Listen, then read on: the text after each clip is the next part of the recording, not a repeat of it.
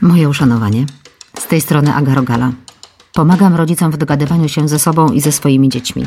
I jeżeli kłócisz się z drugim współmałżonkiem, partnerem, partnerką e, o metody wychowawcze, to dzisiejszy odcinek jest bardzo dla Ciebie.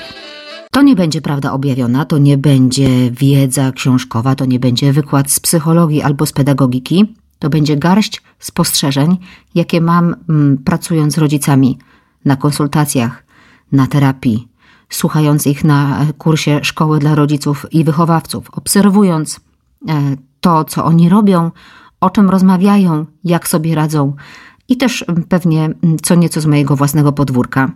Na temat tego, jak to wygląda, kiedy kłócimy się z mężem, żoną, partnerem, partnerką o metody wychowawcze, czyli o to, jakim ta druga strona jest rodzicem i dlaczego robi coś nie tak. No bo wiadomo, że tego są te kłótnie, prawda? I powiem Ci, e, skorzystaj z tego, jeżeli któryś z tych e, fragmentów dzisiejszego podcastu będzie jakoś do Ciebie przemawiać. Natomiast ja chcę opowiedzieć o e, takich trzech rzeczach, trzech sprawach, które dzieją się w związku z kłótniami rodziców, które się dzieją w trakcie, po kłótni oraz jakby pod spodem tego wszystkiego. Ale nie mówię o takich, e, wiesz, kłótniach sporadycznych. Mówię o sytuacjach, w których, czy zwłaszcza do tych rodziców, których to dotyka, e, gdzie te kłótnie są częste. Jak częste? Tak częste, jak ty definiujesz słowo częste. Kiedy czujesz, że tego jest dużo, no nie? Może więcej niż potrzeba, a może na tyle dużo, że to jest przytłaczające i, i jakoś niepokoi ciebie albo tą drugą stronę. I teraz z mojego doświadczenia, o co najczęściej kłócą się rodzice w temacie wychowywania dzieci? On ma zarzuty wobec niej, ona ma zarzuty wobec niego. Najczęstsze zarzuty wobec niego z jej strony. To, że on jest za szorstki, że jest zbyt usztywniony, że nie odpuszcza, że jest y, za mało łagodny, że upiera się przy swoim, że nie słucha dzieci, że nie liczy się z ich uczuciami, że nie słucha jej wskazówek, e, że nie może przyjąć do wiadomości, zrozumieć, zaakceptować i y, nałożyć to na swoje zachowanie, że dzieci może są a za małe, żeby to zrobić, co on oczekuje, b nie są w stanie tego zrobić, bo emocje, bo nie słyszą, bo są czymś zajęte. I C, bo może to, czego on oczekuje, jest po prostu mało ważne, nieistotne, niepotrzebne, aż tak bardzo, jak jemu się wydaje. A no jeszcze to, że krzyczy. No a o co on ma najczęściej zarzuty do niej w temacie metod wychowawczych? To, że ona popuszcza, odpuszcza, jest zbyt łagodna, jest niekonsekwentna, nie trzyma jego strony, podważa jego autorytet. Dzieci z powodu jej metod są zbyt rozpasane, e, zbyt rozchulane, e, pozwalają sobie na za wiele, no i że ona uważa, że ma monopol na skuteczne metody wychowawcze. To tak z grubsza, nie? No to teraz e, pogadajmy o tych trzech sprawach dotyczących kłótni rodziców. W sensie w trakcie kłótni, po kłótni i jakby pod spodem tego wszystkiego. Ja sobie myślę o tym w ten sposób w trakcie kłótni. No kurczę, jeżeli kłótnie odbywają się często, e, to nie ma bata, żeby się nie odbywały y, albo w całości, albo częściowo, w obecności dzieci, albo w takich sytuacjach, w których one to słyszą. Ponieważ większość par, y, i to większość to robię chyba tylko przez ostrożność, większość par ma taki problem, że jest deficyt czasu sam na sam, no nie, kiedy masz dzieci. No więc jeżeli kłótnie są częste, no to no nie będą się odbywały tylko po, e, w porze, kiedy dzieciaki śpią. Czyli dzieci to słyszą. Co one słyszą? Słyszą, że rodzice kłócą się przez nich. Nawet jeśli takie słowa nie padają, nawet jeśli ty wiesz, że tak nie jest, to w doświadczeniu ich, w ich głowach, to się takie rozumowanie e, najprawdopodobniej odbywa, że to jest przez nich. To nie znaczy, że one się teraz uderzą w pierś to znaczy, że to jakoś będzie w nich rezonować i to jest coś, co się będzie działo już po kłótni, nie? Ale takie myślenie, a przecież wiesz chyba, że, Boże, mam nadzieję, że wiesz, że to nieprawda, no nie? To nie przez nich się kłócicie. Kłócicie się dlatego, e, ty z tą drugą e, swoją stroną, osobą, że macie odmienne zdania na jakiś temat, macie odmienne poglądy, coś inaczej robicie. I jakby nie chodziło o dzieci, może by chodziło o coś innego. No tu niestety chodzi o te metody wychowawcze, o te sposoby, nawet nie o dzieci. Ja się tak czasem zastanawiam, czy te kłótnie są na pewno potrzebne. W sensie, czy te wszystkie kłótnie są na pewno potrzebne. Bo być może dzieje się rzeczywiście coś poważnego. Coś, co wymagało interwencji. Coś, co, no kurczę, no nie, no zepsuje się atmosfera, ale po prostu trzeba o tym powiedzieć, bo się dzieje jakieś złe zło. Ale też mam takie poczucie, że część kłótni jest zbędna. Nie dlatego, że te rzeczy są nieważne, o które się ona odbywa ale dlatego, że można żyć dalej bez, e, z tą różnicą, bez tego sporu. Z czymś takim, że on to robi inaczej, albo ona to robi inaczej, i to nie jest y, koniec świata, i być może nie jest tak, że dzieci będą z tego powodu chodziły w przyszłości do psychologa, y, albo że mm, totalnie rujnuje im ta druga strona życia. Zakładam, w przypadku rodziców zawsze to zakładam dobrą wolę. Dobrą wolę, że staramy się być rodzicami naprawdę na miarę naszych możliwości najlepszymi. Na, naprawdę jakby robić te rzeczy dla dzieci, które uważamy za dobre, pożyteczne, za, zadające im coś na teraz albo na przyszłość. Czasem robimy to mniej umiejętnie, czasem robimy na autopilocie, i próbujemy dać to, co dano nam, a co może okay, nie jest najbardziej e, wartościowe, nie jest przemyślane, nie jest e, jakoś świadome. No i dlatego niektóre spory e, są uzasadnione, są potrzebne, trzeba się dogadać w jakiej sprawie. Już oczywiście e, odkładam na bok e, całą tą historię pod tytułem w jaki sposób się kłócimy, w jaki sposób ucieramy te wspólne decyzje, nie? Daj Boże, wspólne. Ale mimo wszystko, i to jest też z własnego mojego doświadczenia, mimo wszystko myślę, że są takie kłótnie, które po prostu warto byłoby sobie odpuścić. Nie dlatego, że to nie jest ważne, ale dlatego, że koszty są duże. Że trzeba sobie zadać pytanie, czy chcemy pomiędzy sobą tej atmosfery. Czy chcemy, żeby nasze dzieci e, tego doświadczyły? Właśnie tego sporu, albo właśnie w taki sposób. Czy może na przykład warto dopuścić tę ewentualność, że jesteśmy niedoskonali, albo że ktoś może robić w inny sposób.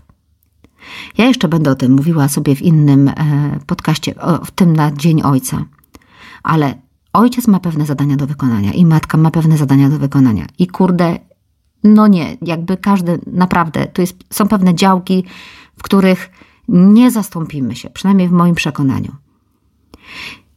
I czasem tak się zastanawiam, czy na przykład te mamy próbujące mm, przetłumaczyć mężo, mężom swoim e, jakoś, e, jakieś metody, czy, czy gdzieś po drodze mm, nie dzieje się, wiesz, coś takiego, że one próbują z nich zrobić dobre mamy, z tych swoich mężów, z tych ojców swoich dzieci.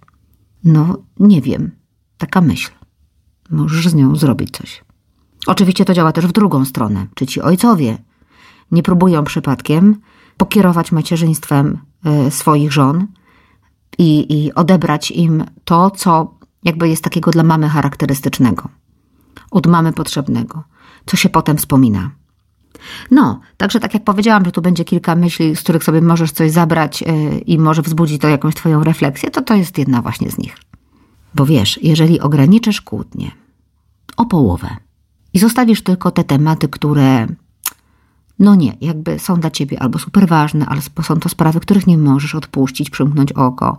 Jeżeli zostawisz połowę, połowy nie będzie, to po pierwsze będzie o połowę mniej kłótni, daj Panie Boże, a po drugie, może udałoby się w takim układzie tę połowę przenieść na czas, kiedy dzieci nie ma.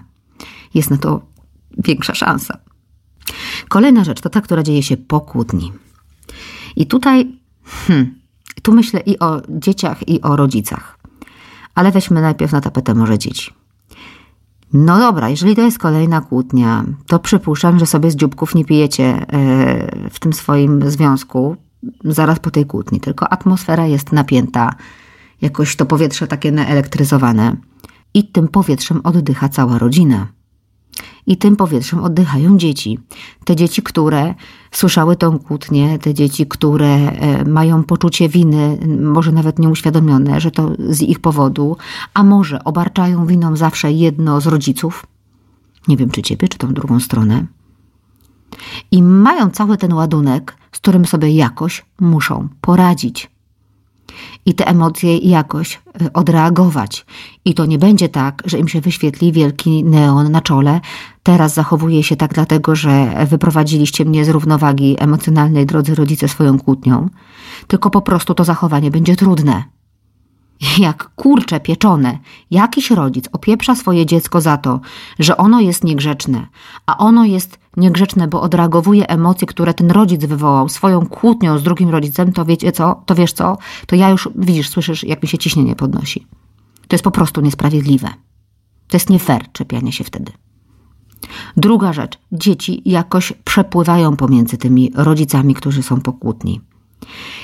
Jeżeli są ciche dni, to tym bardziej muszą się nauczyć przepływać. I potem y, z niektórych takich sytuacji, powtarzam, z niektórych, nie ze wszystkich, to nie jest ogólna zasada, ale z niektórych takich sytuacji wyłażą później te historie pod tytułem no ten, to dziecko to taki cwaniaczek jest, wie, że jak do matki pójdzie, to coś tam załatwi, a u ojca tego nie ugra, albo potem pójdzie do ojca, a do matki wcale nie. Hej, no to kiedy ono się tego uczy? Częściowo z takich sytuacji z takich sytuacji. No jakoś, kurde, pomiędzy tymi skłóconymi rodzicami musi sobie poprzepływać, coś, coś załatwić ze swoją sprawą, zaspokoić jakieś swoje potrzeby. To ono się tak na dobrą sprawę adaptuje do warunków, jakie stworzyli mu rodzice. Najlepiej jak potrafi. A jak sobie radzą rodzice z tą kłótnią? Jeśli się godzą. Czy dzieci to widzą? Czy dzieci tylko doświadczają rodzicielskiej kłótni, i później wiedzą, że trzeba trochę przetrzymać, przeczekać, no dobra, tam będą ciche dni. Oni się w końcu jakoś tam dogadają, będzie już normalnie, aż do następnej awantury, która wiadomo, że będzie, bo w końcu zawsze jest. Czy dzieci widzą też zgodę, doświadczają zgody, widzą, że rodzice się godzą? I jak to wygląda? Ale też rodzice. Co robi atmosfera e, z ojcem, z matką? Ta atmosfera, którą sami sobie stworzyli. Co im robi na związek? Co im robi na głowy? Na ile oni są w gotowości później takiego otwarcia na rozmowę, bycia z e, tą drugą osobą. No oto jest pytanie. Bo to się składa na atmosferę, w jakiej, w jakiej się jest, e, jaką się oddycha w domu. Wiesz, tam się później mogą uruchamiać jakieś historie e, z metodami obronnymi, psychicznymi, przeniesieniem, z projekcją, z, z różnymi rodzajami takiej jakby samoobrony, którą się stosuje, żeby sobie poradzić z trudnymi emocjami, jak one są przytłaczające. Ja o tym miałam e, live'a. Tak. I po prostu link ci dorzucę do opisu do tego podcastu. No. I teraz jeszcze kwestia jest taka, co się dzieje pod tym wszystkim. W trakcie tej kłótni, może nawet przed, po, mam taką obawę, że niejedna kłótnia nie jest o metody wychowawcze. Nie jest o to, jaki ty jesteś wobec dzieci, albo jaki, jaka ty jesteś wobec dzieci. Że ona się dzieje z innego powodu, a to po prostu jest taki dobry spust. Że na przykład wytykając mm, niewłaściwe zachowanie tej drugiej osobie, niewłaściwe zachowanie w roli rodzica, to tak naprawdę próbujesz. Yy, zrobić sobie trochę wpływu na jakąś większą sytuację. Na przykład poczuć, że masz na cokolwiek wpływ, poczuć, że masz nad czymś kontrolę, pokazać, odreagować może niskie poczucie własnej wartości. Może jest tak, że odreagowujesz wtedy. Odreagowujesz stresy z pracy, odreagowujesz jakieś inne e, stresy, czy złość, czy niemoc, na przykład niemoc, gniew, poczucie bezsilności, które odczuwasz w stosunku na przykład do swoich rodziców starszych, do tego, w jaki oni sposób cię wychowywali. I teraz to ci wpływa na ilość twoich kłótni właśnie o metody wychowawcze. A może tak totalnie czujesz, że nie masz wpływu na to, co dzieje się w pracy, przychodzisz do domu i chcesz mieć chociaż choć trochę wpływu na tą sytuację, no nie? To nie są rzeczy, których jesteśmy świadomi. Albo całkowicie świadomi. Im bardziej jesteśmy nieświadomi, tym bardziej nami rządzą. Ale warto mieć to z tyłu głowy. A może jest też tak, że kłócisz się z mężem, żoną o metody wychowawcze, ale tam gdzieś pod spodem, tak naprawdę, to jest na przykład głębokie poczucie zranienia albo odrzucenia w tym związku, w tym związku dwojga dorosłych ludzi. Że nie chodzi o mamę, tatę, ale o męża, żonę, partnera, partnerkę, mężczyznę, kobietę, którzy mają kłopot ze związkiem. I to ciśnienie tego kłopotu najłatwiej jest spuścić właśnie e, za pomocą kłótni o metody wychowawcze. Ale to nie jest klub programu. Nie wiem, ile z tego wszystkiego dotyka ciebie. Wiem, że jeżeli przychodzi para do mnie na e, konsultacje, które ewentualnie czasem się zamieniają w terapię krótkoterminową, skoncentrowaną na rozwiązaniu, to od tego się zaczyna. Od tego, że rodzice się nie zgadzają w temacie metod wychowawczych. Od tego, że się kłócą, albo się nie kłócą aż tak, ale się gruntownie nie zgadzają i ta sytuacja jest dla nich jakoś beznadziejna. A jak grzebiemy głębiej, schodzimy gdzieś niżej, to się otwierają jeszcze następne pudełka, które były bardzo głęboko na dnie tej szafy. Jakie są Twoje pudełka? Jak głęboka jest Twoja szafa? I czy masz odwagę do niej zajrzeć? Oto jest pytanie. Koniec końców. No nie będzie tak, że będziemy się idealnie dogadywać. Kurde, nie ma takiego, nie ma bata. Dlatego, że jak jesteś mamą, tatą, to za Twoimi plecami, w sensie na wpływ na Twoje zachowanie w tej roli, nie ma tylko to, czego Ty chcesz świadomie, o co się starasz świadomie i na czym Ci świadomie zależy. Cała masa nieświadomych rzeczy odgrywa rolę, ale też trochę to jest tak, jakbyś miał, miała mm, takie, wiesz, rękawice na rękach, w które mieszczą się jeszcze inne dłonie, drugie, kolejne dłonie, nie? I tymi kolejnymi dłońmi poruszanymi, poruszającymi Twoimi rękami w tych rękawiczkach to są dłonie Twoich rodziców. To są ich metody wychowawcze. A Twoich rodziców e, w e, rękawicach trzymają ręce jeszcze Twoi dziadkowie. I tak każde pokolenie. I teraz spotyka się dwójka takich ludzi, próbuje wspólnie wychowywać dziecko, stara się jakoś robić to w miarę jednym sposobem, jednym głosem, no ale tam kurde cały chór. Tam jest cały chór głosów. Bardzo warto ze sobą rozmawiać. Bardzo trzeba ze sobą rozmawiać i jakość tej rozmowy ma niesamowite znaczenie dla jej efektów. I też bardzo warto być w takim związku opartym na akceptacji tego, że możemy się mylić, że możemy być niedoskonali, a co więcej, wciąż możemy być rodzicami, wciąż możemy te wspólne dzieci wychowywać. Myląc się i będąc niedoskonałymi, przyjmując to założenie, że okej, będzie niedoskonale. Będzie na miarę naszych możliwości. Coś pewnie po drodze spieprzymy. Takie życie. Ale może spieprzymy tylko 10%. No mam nadzieję, że cokolwiek ten podcast, e, ten dzisiejszy odcinek e, będzie pożyteczny. Jeśli tak, będę zaszczycona, zachwycona wiadomością od ciebie, że tak właśnie jest. A jeżeli bliski ci jest temat tych kłótni i kiepsko jakoś idzie wam z poradzeniem sobie i z przepchnięciem tej sytuacji na jakiś inny tor i z, ze zrozumieniem, co się tam dzieje i jak z tego wyjść, to bardzo się polecam. Jeżeli filmy na YouTubie będą czymś za małym, jeżeli rady na Instagramie będą czymś niewystarczającym, to pamiętajcie, że pamiętaj, że zawsze możesz umówić się ze mną na konsultację online. To jest godzina. Jeżeli będziesz chcieć potem spotkać się znowu i znowu, na terapii, która kończy się wtedy, kiedy ty uważasz, że się skończyła, to zapraszam. To jest zawsze najpierw jedno spotkanie. Nikt się nigdzie krwią na celografię nie podpisuje. Spokojnie. No i online, no. Więc wystarczy, że usiądziesz przed komputerem. Nie trzeba dużego fikołka z dojazdem, zastanawianiem się, czy to jest w twoim mieście wsi, czy na twojej części półkuli. Trzymaj się ciepło. Dobrego związku. Dobrych starań.